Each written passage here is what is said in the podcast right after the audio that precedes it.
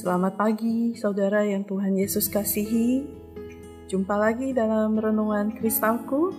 Bagaimana kabarnya? Tentu baik-baik, bukan? Mari sebelum kita bersama-sama belajar firman Tuhan, kita tundukkan kepala, kita berdoa. Kami bersyukur kepadamu ya Tuhan, karena segala kebaikan dan kemurahan Tuhan bagi kami. Kami boleh nikmati hari yang baru di dalam segala keadaan kami masing-masing kami tahu Tuhan ada bersama dengan kami dan memberikan firman-Mu bagi petunjuk hidup kami. Kami rindu membaca dan merenungkannya di pagi hari ini. Kiranya Tuhan menyertai setiap kami. Demi nama Tuhan Yesus kami sudah berdoa. Amin. Saudara pembacaan firman Tuhan pagi hari ini dari kitab Filipi pasalnya yang kedua ayatnya yang pertama hingga ayatnya yang ke-13. Demikian firman Tuhan. Jadi, karena dalam Kristus ada nasihat, ada penghiburan kasih, ada persekutuan roh, ada kasih mesra dan belas kasihan, karena itu sempurnakanlah sukacitaku dengan ini.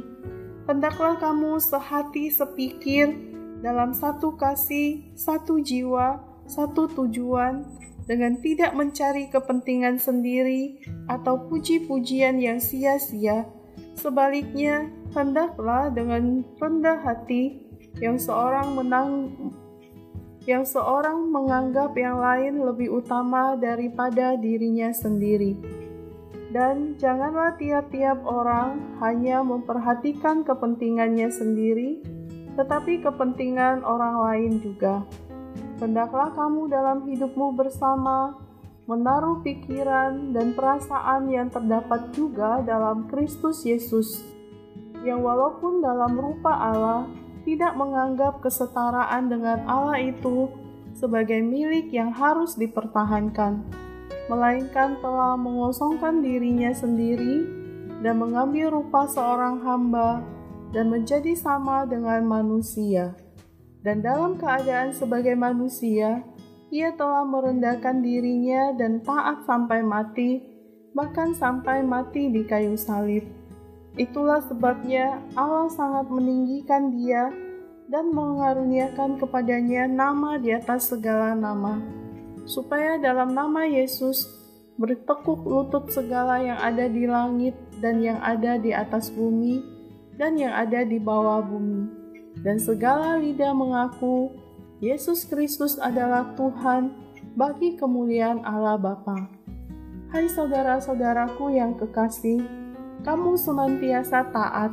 Karena itu, tetaplah kerjakan keselamatanmu dengan takut dan gentar, bukan saja seperti waktu aku masih hadir, tetapi terlebih pula sekarang waktu aku tidak hadir karena Allah lah yang mengerjakan di dalam kamu baik kemauan maupun pekerjaan menurut kerelaannya. Saudara, tema renungan pagi ini adalah jalan ketaatan yang panjang. Saudaraku, setiap bulan Januari, anggota klub kesehatan akan meningkat secara drastis. Ruang latihan akan dipenuhi oleh orang-orang yang memiliki niat yang menggebu-gebu di tahun baru. Para anggota tetap klub fitness tahu bahwa di bulan Maret banyak dari para pendatang itu akan menghilang. Mereka tidak mendapatkan hasil secepat yang mereka pikirkan, kata salah seorang direktur klub tersebut. Orang-orang itu tidak menyadari bahwa diperlukan kerja keras dan kegigihan untuk membentuk tubuh yang ideal. Saudara, kita pun mengalami fenomena seperti itu dalam hal kerohanian. Penulis Eugene Peterson mencatat bahwa dalam budaya yang menyukai kecepatan, tidaklah sulit untuk membuat orang tertarik pada pesan dalam ajaran Yesus.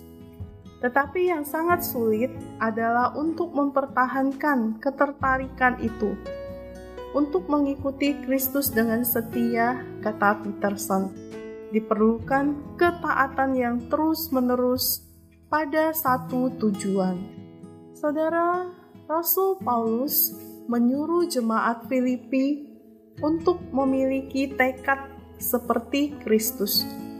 ketaatannya kepada Bapa begitu sempurna dan dilakukan dengan segenap hati. Paulus mendorong mereka untuk tetap taat kepada Tuhan dan untuk terus mengerjakan keselamatan mereka dengan takut dan gentar. Sebagai orang percaya baru, kita mungkin memiliki niat yang baik saat kita memulai setiap langkah pertama dalam iman. Kemudian, saat kita bertumbuh dalam Kristus, ada kuasa Allah memampukan kita untuk terus berjalan dengan sukacita bersama Dia menyusuri jalan ketaatan yang panjang. Saudaraku, siapkah kita untuk mengikuti Tuhan dengan penuh ketaatan sepanjang hidup kita? Ingatlah, iman kepada Kristus bukanlah satu langkah saja tetapi merupakan perjalanan seumur hidup bersama Dia. Saudara, kiranya Tuhan memampukan kita untuk menjalani ketaatan sepanjang hidup kita di dalam pengiringan kita akan Kristus Tuhan dan Juru Selamat kita.